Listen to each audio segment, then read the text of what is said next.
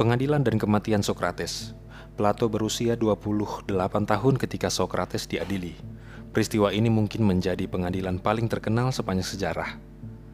Plato telah belajar pada Sokrates selama 8 tahun meski dia telah mengenalnya sebagai sahabat keluarga sejak dia masih kecil.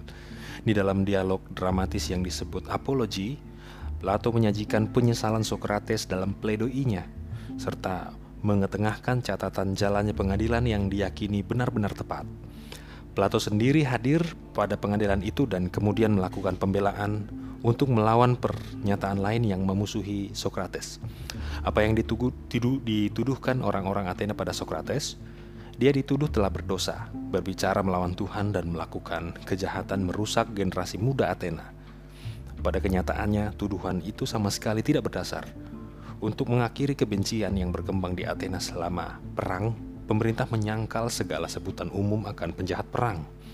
Sebutan penjahat perang yang dihembuskan Sokrates mendapat dukungan dari sahabatnya, Charmides dan Critias, serta murid favoritnya, Alcibiades, pengkhianat Athena.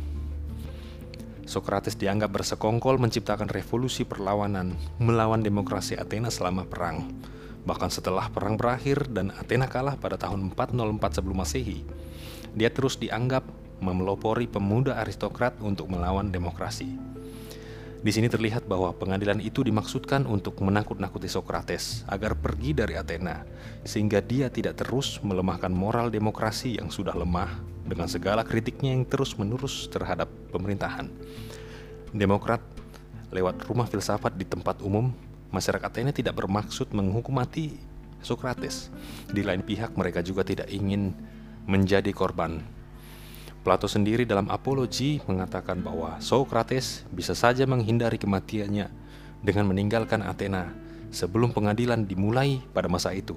Melarikan diri merupakan hal wajar jika vonis bebas dipandang sudah tidak mungkin. Dan lagi, bahkan jika tidak meninggalkan Athena dalam pengadilan, bisa saja dia dibebaskan. Andai dia dapat menunjukkan kesan demokratis di depan publik dan juri, atau minimal ia tidak menunjukkan penentangan terhadap mereka secara terbuka, dia mungkin dibebaskan. Meskipun dalam pidatonya ia menentang masyarakat Athena dan para demokrat jika saja dia mengajukan permohonan di saat diminta pengadilan, dia hanya dikenakan denda. Akhirnya, meskipun tidak melakukan segala hal yang mungkin menghindarkannya dari vonis mati tersebut, dia bisa dengan mudah melarikan diri setelah vonis dijatuhkan karena dia masih ditahan selama sebulan sebelum dia minum hemlock dan pasti tak seorang pun akan menyalahkannya.